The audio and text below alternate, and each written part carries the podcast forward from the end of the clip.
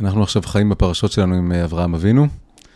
אברהם אבינו הוא אה, ראש כל המאמינים, והראשון שבעצם סלל עבורנו, פרץ עבורנו את הדרך מתמונת עולם רגילה, טבעית, שמסתכלת על אה, מכלול הכוחות שפועלים בטבע, ומבינה שבעצם כל הכוחות האלה הם רק ענפים או זרועות או אפילו מסכות של משהו, מישהו. עוד יותר נשגב נעלה מעליהם, שזה הקדוש ברוך הוא. והיכולת ל- להכיר בזה על רקע עולם שלם שלא מכיר בזה, זה הגדולה של אברהם אבינו, ואנחנו רוצים ללמוד ממנו מה זה אמונה. אז אה, מה שאנחנו רוצים לעשות במפגש הזה, זה בעצם לקחת את המילה אמונה, ולהתבונן בארבע משמעויות שונות של המילה הזאת. השורש א' מ' נ' הוא שורש בעצם, נגזרות ממנו כמה מילים, וכל המילים האלה, הן בעצם נותנות לנו היבטים אחרים של מה זה אמונה.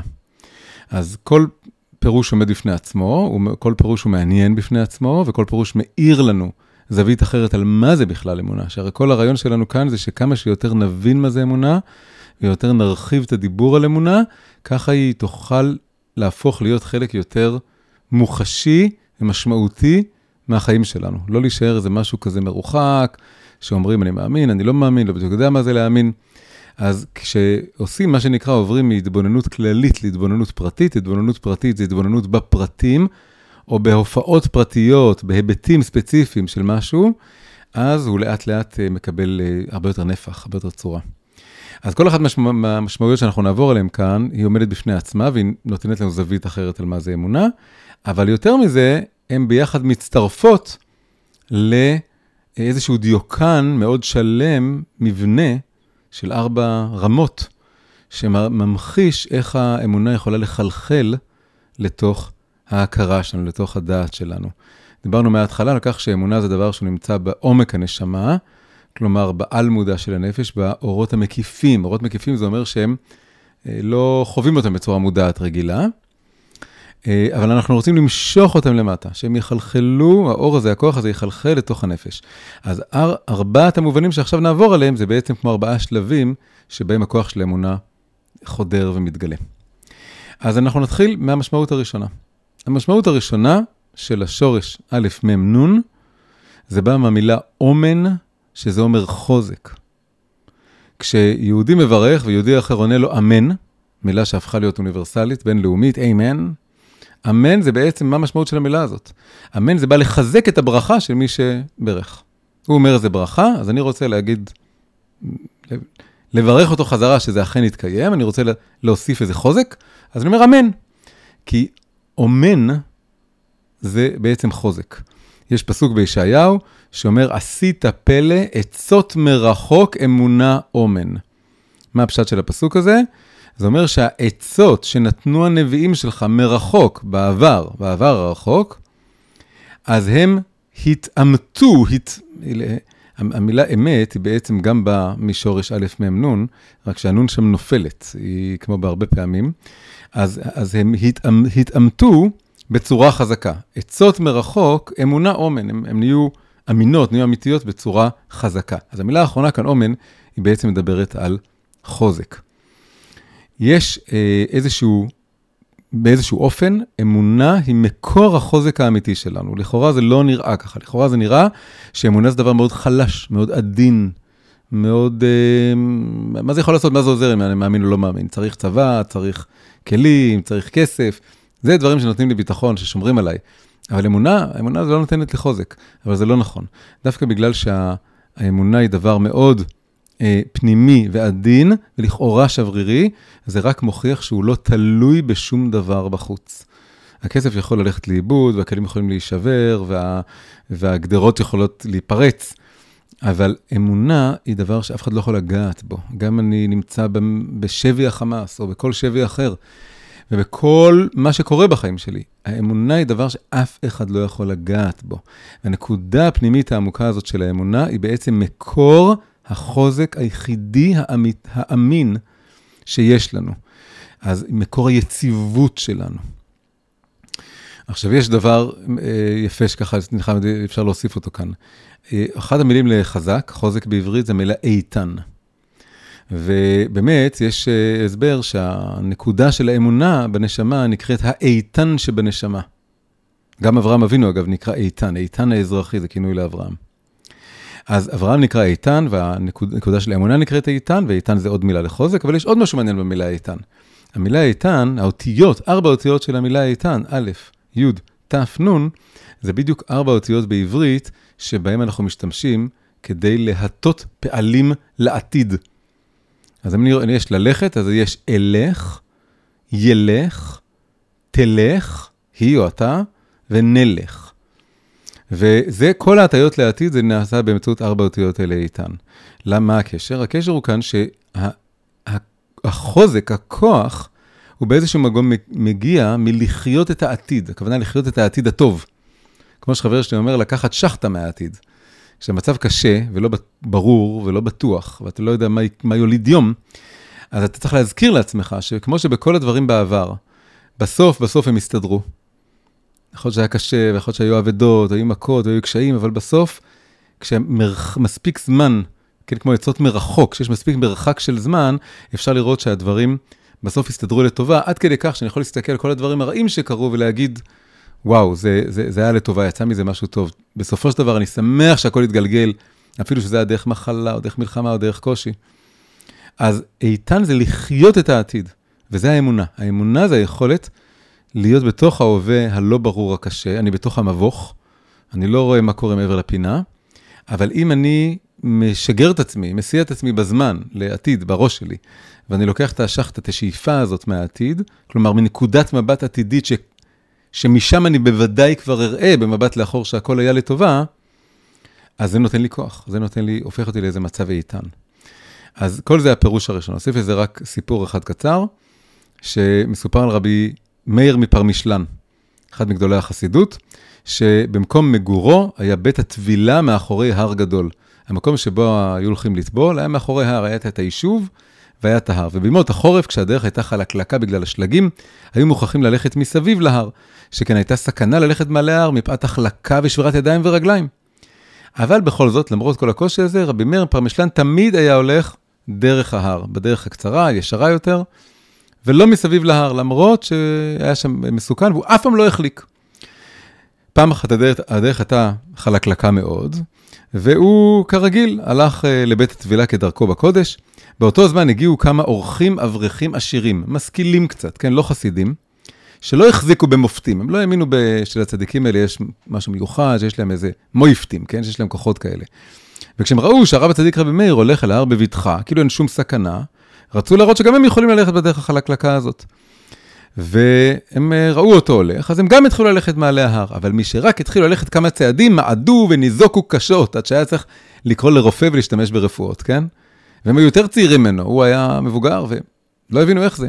אחד, האבר... אחד האברכים היה בנו של אחד המקורבים, כשהוא הבריא, עזר כוח, ושאל את הרב, את הרב הצדיק, רבי מאיר, אף אחד אינו יכול ללכת בדרך החלקלקה שבמלא ההר לבית הטבילה, ואם הולכים, מועדים ונופלים. ואילו הרבי הולך תמיד באותה דרך, איך זה יכול להיות? אז ענה לו הרב הצדיק, הרבי מאיר פרמישלן, כשקשורים למעלה לא נופלים למטה. כשקשורים למעלה לא נופלים למטה. אני, יש לי אמונה. זה העבודה שלי בחיים, אני עובד בלהאמין. והאמונה הזאת מקשרת אותי בקשר איתן למעלה, וכשאני מקושר למעלה, אני לא נופל למטה, גם בהר חלקלק. אז כל זה המשמעות הראשונה של המילה אמונה, והארבע משמעויות כאן הן הולכות להיות כנגד ארבע אותיות שם הוויה. כן, שם הוויה זה המבנה הבסיסי ביותר בקבלה לתאר מבנים של ארבעה רבדים, זה משקף את הנפש, משקף את העולם, משקף את העולמות, הרבה דברים. אז כאן, הרובד הראשון כנגד האות י', י' זה נקודת החוכמה, זה נקודה שמחוברת לכתר, מחוברת ל... לשורש הנשמה, שורש האמונה. האמונה עצמה, אגב, שמעל ארבע משמעויות שלה, היא נמצאת במה שנקרא הרובד החמישי. חמישי זה גם אותיות משיחי. מעל ארבע אותיות שם הוויה, יש רובד שאין לו אות, הוא נקרא קוצו של י', כי הקוץ של י' מצביעה עליו, זה הרובד החמישי, שם נמצאת האמונה עצמה, מעבר לשמות שלה. אז ה... וארבע משמעויות זה הולך ויורד. אז המשמעות הראשונה זה אומן, זה חוזק. משמעות שנייה, כנגד האות ה' הראשונה בשם הוויה, כנגד ספירת הבינה, ספירה שמתבוננת ויוצרת קשר עם המציאות, זה נתינת אמון, המילה אמון. אומן זה חוזק, אבל אמון זה משהו אחר. אמון זה היכולת לבטוח, לתת אמון במישהו אחר. יש צד שאנשים לא מבינים בכלל מה זה אמונה, הם חושבים שלהאמין זה מין, אה, אה, זה כמו להאמין בחדי קרן, או להאמין במכשפות, או להאמין בניסים. כלומר, להאמין שיש מכשפות, או שיש חדי קרן. ואז ככה צוחקים, כל האתאיסטים צוחקים על המאמינים, שלמה אתה מאמין בקדוש ברוך הוא באיזה מין אבא שבשמיים, חבר דמיוני, לך תאמין, אתה יכול להאמין בכל מיני דברים שרירותיים אחרים גם. וככה הם צוחקים על האמונה, אבל הם לא מבינים שאמונה זה, חוץ ממה שאמרנו על העומר, החוזק, אמונה זה גם בעצם משהו אחר. אמונה זה אקט קיומי של לבטוח במישהו מחוצה לי. זה לא עונה על התשובות שלה, על השאלות של האתאיסטים, אבל זה לפחות מסביר שהשאלה היא בכלל לא מכוונת נכון. הם, זה דווקא כן משתקף באנגלית, מאוד יפה, שבכל השטרות באמריקה, אז כתוב In God we trust. זה לא רק We have faith, או We believe in God, זה In God we trust, אנחנו בוטחים בהשם, נותנים אמון בהשם. אמונה זה משהו שבו אני יוצא מעצמי ונותן אמון, וזה לא מספיק להגיד שאני מאמין שיש השם, זה חייב להתרגם, זה המעבר מי' לה', מחוכמה לבינה, זה מעבר משהו מאוד מאוד רוחני, פנימי, למשהו שהוא יותר קשור למציאות. במה זה מתבטא שאתה מאמין בהשם? זה רק מתבטא בזה שאתה נותן בו אמון, בוטח בו, הולך בדרך שלו. זה כמו מי שאומר לחברה שלו, אני אוהב אותך, אני מאוד אוהב אותך, אני תוכיח את זה, תתחתן איתי, ת, ת, תציע לה ניסוי, תעשה משהו, תראה לי שאתה באמת אוהב אותי, זה לא מספיק שאתה, שאתה מדבר על זה, אומר את זה, אני צריכה לראות שאתה מתרגם את זה לאיזה עשייה, זה אמון. עכשיו, אנחנו רוצים לתת אמון בהשם, להישען על השם, לבטוח וללכת בעקבותיו, וגם הוא רוצה להאמין בנו, כן? יש פסוק שאומר, בנים לא אמון בם, הוא מתלונן, הוא בוכה עלינו, שיש לנו אנחנו הבנים שלו, אבל אין לו אמון בנו. אנחנו, למה? כי אנחנו לא נותנים בו אמון, כן? יש, אמון זה דבר שהוא בנוי על הדדיות, אמון הדדי. אני הרבה פעמים אומר שאמון זה כמו לבנות ארסל. ארסל זה דבר שהוא הכי נעים ונוח ורך. ובארסל אפשר להיות ביחד, זוג נגיד, כן? ויש להם אמון הדדי, כל אחד בוטח בשני ויודע שהשני יהיה שם בשבילו. אבל הארסל הזה הוא לא עומד על האוויר, הוא עומד על שני עמודים. העמודים האלה, זה, זה, זה הצד השני של האמון ההדדי, זה מחויבות הדדית. כשצד אחד מתחייב לצד השני, אני פה, אני לא הולך לשום מקום, אני מתחתן איתך, ואני לא הולך, ואני כאן, באש ובמים, אז הוא שם את עצמו, הוא מתחייב. ואז אפשר לתלות עליו ארסל, ואותו דבר הצד השני עושה, הוא בא ואומר, אני פה, אני נוכח, אני, אני איתך, אני נוכחת. מעמידה את העמוד שלה. אחרי שני העמודים האלה של מחויבות הדדית, אפשר לקשור את הארסל של האמון ההדדי. אנשים מאוד אוהבים אמון, מאוד כיף להרגיש במערכת יחסים של אמון, מאוד קשה להתחייב, אבל אני תמיד אומר להם, זה שני הצדדים של אותה מטבע. אז ככה גם עם הקדוש ברוך הוא. אם אנחנו לא מתחייבים אליו, ולא מבטיחים לו שהוא יכול לתת בנו אמון, אז גם הוא כאילו בהרגשה שלנו מסתלק ומתרחק מאיתנו. ואנחנו מרגישים שאנחנו לא יכולים לתת בו אמון. ואנחנו מאבדים באיזשהו מקום את האמון, אבל אפשר לשקם את הקשר הזה, כן? זה כל הרעיון של לבנות קשר של אמונה עם הקדוש ברוך הוא, זה לבנות קשר של אמון הדדי. כמובן צריך לזכור שברגע שאני מראה לקדוש ברוך הוא שאני יותר נאמן לו, ונותן בו אמון, והוא יכול לתת בי אמון, אז ככה הוא גם יותר יעמיד אותנו בניסיונות. זה, זה, זה כמו שאני קושר את הארסל, אני רוצה למתוח אותו חזק, לראות שהעמודים לא נופלים, העצים לא נשברים, אז זה חלק מהעניין, הארסל סופג משקל, סובל משקל. אז uh, ברגע שנותנים אמון, צריך להבין שנכנסים לקשר שיש בו גם ניסיונות, כן? לראות שה, שהאמון הזה הוא אמיתי ורציני. אבל בכל מקרה, זה עוד, עוד זווית, עוד היבט על מה זה, מה זה אמונה. אפשר להגיד שזה משתלשל, צומח מתוך ההסבר הקודם, כן? כל יש את האמונה עצמה, ש... נמצאת בשורש הנשמה, ואז זה מתבטא בזה שהיא נותנת לי איזה חוסן, איזה חוזק, איזה איתנות פנימית, ואז זה נותן לי את הכוח לתת אמון. מה השלב השלישי, המובן השלישי? כנגד האות ו' של שם השם, האות ו', מי שמכיר את המבנים האלה, זה מקביל למידות הלב. אנחנו ירדנו משני מישורים שכליים יותר, חוכמה ובינה, אל המישורים של מידות הלב. כאן, הלשון של האמונה זה המילה אומן, אומן, אומנת. אה, בספר במדבר כתוב שהקדוש ברוך הוא לקח אותנו במדבר, כאשר יישא האומן את היונק. האומן, או היום בדרך כלל זה יותר אומנת, זה מי שמגדלים את התינוק. אז מה זה בעצם אומר לנו כאן? שאמונה זה משהו שמגדל אותנו, מגדל את מידות הלב שלנו. אם אנחנו מחוברים לנקודת אמת ואמונה גבוהה מעל העולם, מעל עצמנו, זה פועל ככוח שמבגר אותנו וכאילו מזמין אותנו לגדול ו- ו- ולהתקרב אליו. אז, אה, אז, אה, אז זה הרעיון שבעצם נמצא כאן באומן. כן, כל הרעיון הוא שאנחנו, אה, אסור לנו להיות סטטיים, להיות פסיביים. אנחנו צריכים כל הזמן לגדול. האמונה גם מזכירה לי שאני כל הזמן באיזשהו מקום יונק. כן? כאשר יישא האומן את היונק, לגדל מישהו, לגדל תינוק, זה בעצם להעביר אותו ממצב של יניקה למצב של מוחין, ככה זה נקרא, יש מושגים קבליים, שנקרא עיבור יניקה מוחין. עיבור זה לפני שאני נולד בכלל, זה שאני רק מתהווה בבטן של אימא. אחרי זה יש גם עיבור שני בתוך החיים, אני יכול, כל פעם צריך לחזור לאיזה רחם כדי ללמוד. ואז יש שלב שאני יונק, אני כבר מקבל איזו עצמאות, אבל אני כל הזמן צריך עדיין לינוק. השראה, השפעה, חוכמה ממה שמעליי. ואז לאט לאט לאט אני מגיע למדרגה שנקראת מוחין, שזה כבר שכל ועצמאות והתבוננות ומחשבה. כאשר יישא האומן את היונק זה להעלות אותנו משלב היניקה לשנב המוחין, ובעצם, בגלל שאנחנו כל הזמן רוצים להאמין, זה לא דבר שאנחנו רוצים להיפרד ממנו, זה כמו שאומרים, הקדוש ברוך הוא, אנחנו הילדים שלך, רוצים להישאר ילדים, זה לא דבר, לא כדי להישאר מצב אינפנטילי, אלא כדי להיות כל הזמן בתודעה שאנחנו לומדים וגדלים. בספר זכריה, כמדומני, הקדוש ברוך הוא אומר לנביא, נתתי לך מהלכים בין העומדים האלה. מה המשמעות של הפסוק הזה? זה שהמלאכים נקראים עומדים, כאילו הנביא עולה לשמיים, ויש שם המון מלאכים, והם כמו השומרים של הארמון של הקדוש ברוך הוא, והוא אומר, הם כולם הולכים לעמוד. מלאכים זה דבר שעומד, גם במקרה הם זזים במעגלים, עולים מלמעלה למטה, או מלמטה למעלה, כמו בסולם יעקב, זה לא משנה. כל אחד הוא על המסלול שלו, ואין לו, הוא לא יכול לזוז מהמסלול שלו. במובן הזה הוא נקרא עומד, כי הוא בעצם סטטי. גם אם הוא כל הזמן זז, הוא זז על מסלול קבוע, אז הוא סטטי, הוא נקרא עומד. אז המלאכים נקראים עומדים, אבל אתה, הוא אומר לנביא, שבעצם מייצג את כל בני האדם, כל מי שיש לו כוח בחירה וכוח מח... להתפתח ולהתקרב להשם כל הזמן יותר, אתה נקרא מהלך.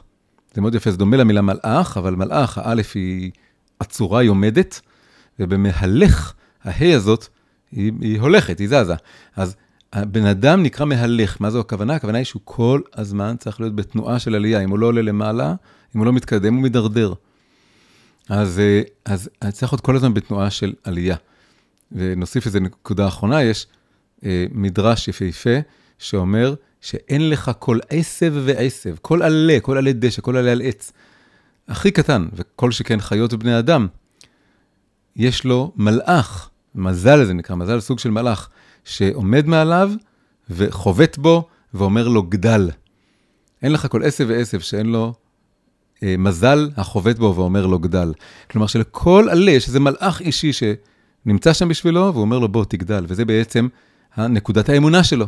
גם לכל עלה יש אמונה, לכל חיה יש אמונה ולכל בן אדם יש אמונה, לפי המדרגה שלו.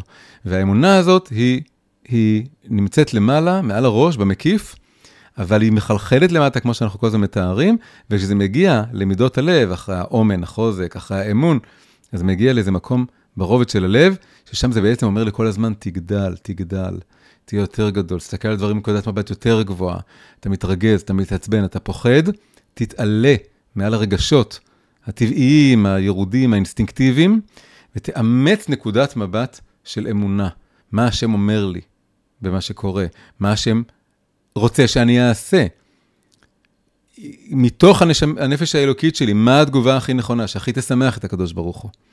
המבט של האמונה, ששום דבר הוא לא במקרה, ושאנחנו, אה, יש בכל רגע נתון איזה ניסיון לעשות את הבחירה הכי טובה מכל האפשרויות שפתוחות בפניי. ושהלב ליבם של החיים שלי זה החיבור והקשר שלי לקדוש ברוך הוא, הנקודה הזאת, ההסתכלות הזאת מבגרת, מעלה אותי ומרוממת אותי כל הזמן, כי אני כל הזמן בתנועה מתמדת, להיות יותר נאמן לנקודת האמונה שלי. אז זה המשמעות השלישית, כן? אומן, כאשר יישא האומן את היונק, האמונה ככוח שמגדל אותי. הגענו למשמעות הרביעית, האחרונה, כנגד האות ה' האחרונה בשם השם, באיזשהו מקום, התכלית הורדת אור האמונה לחיים, לעולם הזה, למציאות. מהי המשמעות הרביעית והאחרונה? א' מ' נ', זה גם השורש של המילה אמן ואומנות. אנחנו רגילים לחשוב שיש אנשים שהם אומנים, יש אנשים שהם לא אומנים, יש אנשים שהם מדענים, יש אנשים שהם אה, אה, סוחרים, יש אנשים שהם מתכנתים, אבל זה לא נכון. האמת היא שכל אדם הוא אמן, וכל אדם צריך לחשוב על החיים שלו כעל יצירת האומנות שלו. קודם כל, העולם עצמו הוא יצירת אומנות. הקדוש ברוך הוא אמן, אז חלק מהאמונה זה לשים לב לזה שהטבע, העולם והחיים, כל מה שקורה בחיים, זה מעשה ידי אמן. כלומר, זה יש יד מכוונת. אז זה חלק מהאמונה, זה, זה מאוד קשור לאות האחרונה, לרובד הכי ארצי. אני יוצא לעולם, אני חייב לראות שהעולם הוא כמו יצירת אומנות.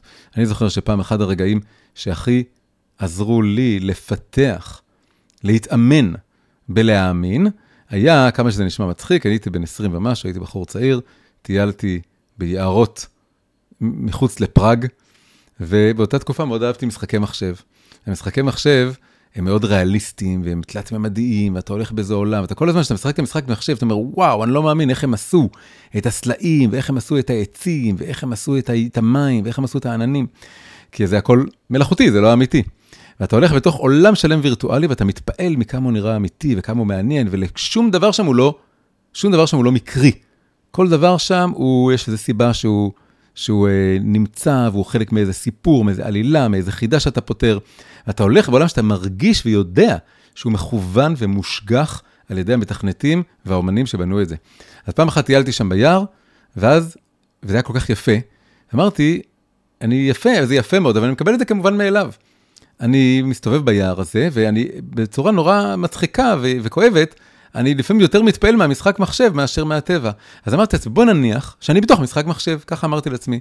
כשטיילתי לבד שם ביער, הלכתי לבד, הלכתי שם ואמרתי לעצמי, אה, בוא נדמיין שזה משחק מחשב, שכל אבן וכל סלע וכל עץ וכל ענן, זה עשו את זה, עשה את זה האמן המתכנת של העולם הזה.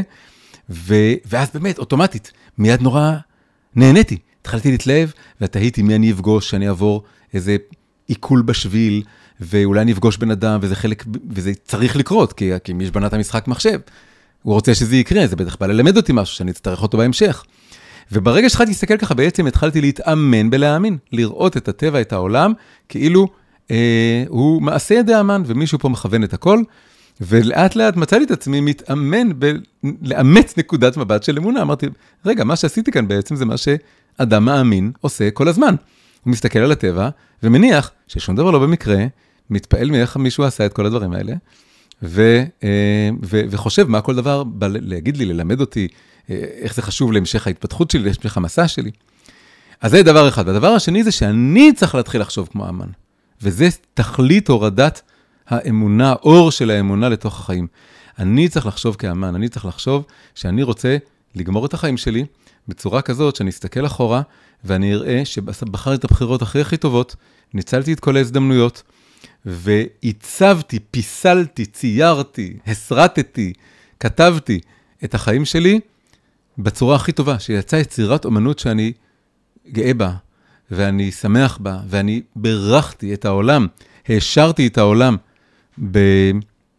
באמצעות הכוחות היצירתיים שלי וכוחות האמונה שלי. אז, אה, ו, ומה שזה, אחד הדברים שזה עושה, זה שזה, מה קורה כשהאור של אמונה יורד למטה, למטה, למטה, כן? והוא מגיע עד לרובד הכי ארצי. זה לא, לא רק לגבי הנושא הזה של האמונה, זה בכלל ככה.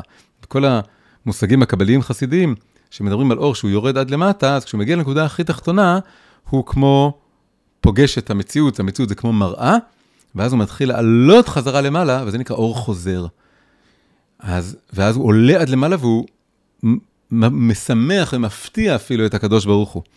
בכך שבעצם בשביל זה הקדוש ברוך הוא הוריד את כל האור הראשון. האור הראשון זה כאור ישר, הוא מגיע עד למטה ומביא אור חוזר, והאור חוזר הוא מביא איזה הד, איזה הפתעה, איזה חידוש, שמצדיק את כל הדבר. זה נקרא ירידה, צורך עלייה למקום גבוה יותר. אז האור חוזר זה עלייה למקום גבוה יותר. אז אני, עבדנו מאוד קשה להוריד את האור של האמונה עד למטה, ואז ברגע שאנחנו מתרגמים את האמונה שבעומק הלב שלי לחיים אומנותיים, במובן שאמרתי, שאני חי כאמן, ואני רוצה שהעולם יהיה יפה יותר ומתוקן יותר וטוב יותר. אני רוצה לברך אותו ולהעיר אותו, כמו אמן שלוקח חומרי גלם, יוצר מהם יצירת אומנות, אני רוצה שהחיים הכל יהיה יצירת אומנות, זה פועל כאור חוזר שמחזק לי את האמונה. הוא ממחיש לי עד איפה יכולה להגיע האמונה.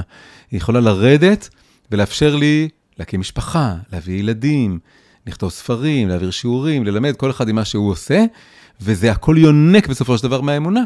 והנה, תראו איזה דברים יפים זה עושה בעולם, זה פעל את זה ואת זה ועשה את זה. ואז זה פועל כאור חוזר שמאשר לי, מאמת לי את האמונה שלי, מחזק אותה, ובעצם מעורר גלים חדשים, שפע חדש של אמונה, שימשיך לחלחל ולרדת משורש הנשמה, עומק הנשמה שלי, חזרה למטה וחוזר חלילה. אז עד כאן הייתה לנו ההתבוננות השבועית שלנו במושג האמונה, ובחנו ארבעה מושגים, ארבעה פירושים למילה הזאת, אמונה, לשורש א' מ' נ', וראינו שזה בעצם, הם הופכים להיות אה, מרכיבים שיוצרים שלם גדול יותר, הבנה עשירה יותר. יש את עצם האמונה בשורש הנשמה, היא מתרגמת לנקודה של חוזק ואיתנות, אומן, והיא גם יש לה צד של אה, הכוח לתת אמון, ושהשם ייתן בנו אמון חזרה, והיא מאמנת, מגדלת את הנפש שלנו, את המידות שלנו, ובסוף בסוף היא מתרגמת ליכולת שלנו לראות את העולם כיצירת אומנות, ולתרום ליצירת האומנות הזאת, לשפר אותה, לשכלל אותה, ולהפוך את העולם הזה לעולם עוד יותר יפה וטוב.